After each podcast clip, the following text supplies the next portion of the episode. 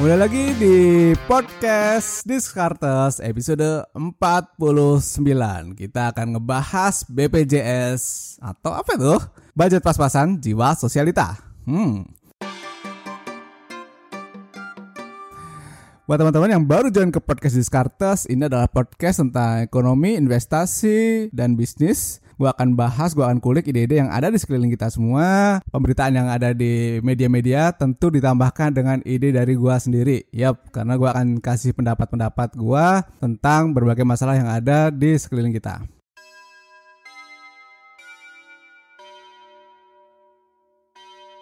Kenapa gue angkat BPJS Budget pas-pasan jiwa sosialita. Jadi beberapa waktu yang lalu gue ngeliat di sosial media itu banyak banget ya yang sharing. Entah itu kekayaannya entah itu cuanya porto yang mereka punya atau apa pun indikasi yang menunjukkan bahwa mereka dalam kondisi kaya sekarang ya. Kekayaan di saat ini. Efeknya apa? Ternyata itu bikin orang-orang yang lihat follower-follower mereka yang lihat, duh kok keren ya.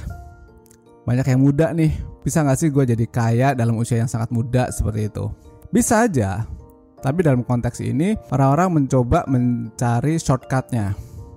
Efeknya apa ke BPJS? Jadi gini, ketika ada salah seorang misalnya influencer menunjukkan bahwa dia adalah orang yang kaya terus diikutin sama follower-followernya yang ingin juga kelihatan kaya karena berusaha untuk mendapatkan status sosial yang tinggi di tengah masyarakat. Jadi si orang ini follower ini akan mencoba gimana caranya di sosmed juga akan tampil keren. Keren dalam artian gue punya barang yang mahal brand yang bagus mobil satu pintu oh sorry mobil dua pintu berarti ya. Terus motor yang super gede well ya you name it lah kayak kayak gitu.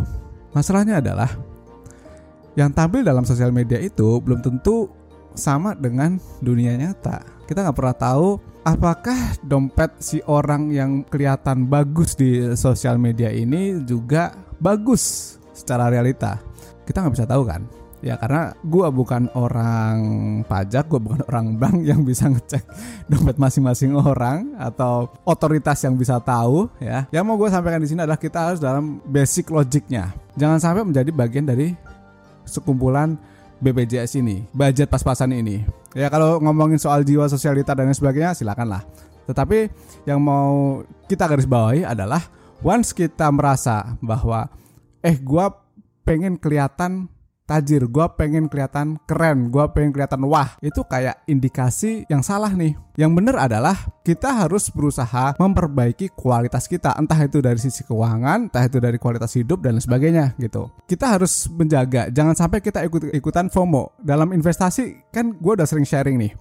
Jangan sampai kita FOMO dalam sebuah hype investasi. Nah, apakah dalam lifestyle juga kita harus ikutan hype dalam lifestyle itu? Kan gak juga gitu. Ya, ini dalam konteks sosmed. Sekarang dalam konteks eh, realita coba lo lihat sekeliling lo. Ada nggak teman kita yang pengen kelihatan keren juga? Kita nggak mau sosmed nih tapi pas ngumpul bareng ngobrol bareng terus jalan bareng ada nggak yang pengen dipandang sebagai orang kaya? Once sekali lagi gue ingetin kita juga nggak bisa tahu bagaimana sebenarnya dibaliknya. Karena di sini gue dalam konteks financial planner dalam konteks financial advisor gue mau kasih tahu sebenarnya banyak banget di luar sana orang yang kelihatannya punya barang-barang brand mahal tetapi punya masalah keuangan yang sama. Apa artinya? Kelihatannya memang brandnya ini nomor satu, tetapi untuk ngebeli barangnya dia menggunakan utang dan ini kayak sesuatu yang lazim banget. kita harus hati-hati dengan itu. Apakah lu mau kayak gitu juga kan nggak kan? Ya makanya lu dengerin ini gue harap kalian semua bisa stay cool, kalem, ngitung gitu.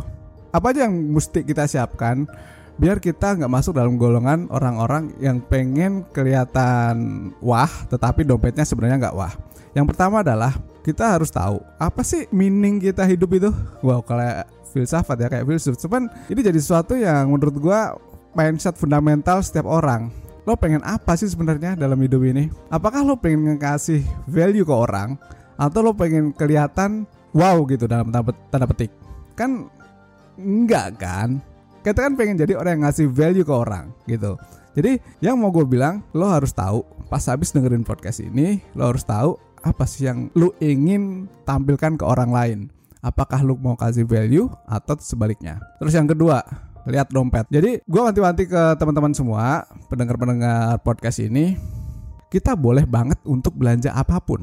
Mau belanja yang mahal, belanja yang murah, belanja yang ya sosok nggak masalah sama sekali. Tetapi kita harus menyadari di mana kemampuan kita. Kalau kita nggak menyadari di mana kemampuan kita, maka kita akan menggunakan kemampuan orang lain. Masuk akal nggak? Lu pingin sesuatu nih, harganya let's say 10 juta. Kemampuan lu itu cuma 7 juta. Ya masa lu akan menggunakan kemampuan orang lain untuk nambahin 3 juta tadi? Ya kemampuan orang lain ini bisa diartikan sebagai pinjaman kartu kredit atau pinjaman bank, pinjaman temen lo sendiri. Jadi kita harus tahu di mana kita berada, harus tahu apa yang mau kita beli. Kalau cita-cita itu setinggi langit itu bagus. Tetapi kalau ngomongin mampu untuk beli dan tidak mampu untuk beli, kita harus benar-benar mapping yang pas. Kalau nggak kita yang rugi gitu. Yang namanya pinjaman itu ada bunganya dan pinjaman yang sifatnya aneh-aneh untuk beli barang yang terdepresiasi ditambah lagi dengan bunga padahal kita nggak mampu untuk mengcover itu sebuah bunuh diri kalau gue bilang ya dalam jangka panjang orang akan terlilit sama yang namanya utang bergulung oke okay? jadi kalau kita bilang BPJS itu ya udahlah cuman YOLO you only live once iya kalau dalam waktu tiga bulan enam bulan selesai. Tapi kalau setahun dua tahun terus bergulung-gulung sampai puluhan tahun jadi masalah dong. Emang nggak ada orang yang pada akhirnya selama kerja dapat gaji cuman habis buat nutup utang yang sebenarnya nggak perlu dilakukan? Ada. Awalnya dari mana? Awalnya dari pengen kelihatan jadi sesuatu gitu Padahal sesuatu itu bukan untuk ditampilkan, tetapi kita achieve buat ya karena kita ingin itu, karena kita jadi goalnya di situ, bukan karena kita mau menampilkan gue sebagai entrepreneur, gue harus kelihatan tajir dan sebagainya. Ya enggak lah kayak gitu. Jadi itu yang kedua, oke. Okay? Terus yang ketiga adalah syukuri dan berbagi. Di mana pun lo berada sekarang, di mana pun lo ada di level saat ini, kita harus tahu dan harus ya syukuri aja. Bukan artinya kehilangan ambisi, enggak, ini beda banget. Tetapi kita udah jalan let's say 10 meter ya itu kan kayak kayak berkah juga kan 10 meter bisa jalan gitu. Susah loh. Kalau ternyata tiba-tiba kayak diambil gitu repot. Ya gak sih? Dan kalau misalnya lo mampu lebih ya jangan sungkan buat berbagi gitu.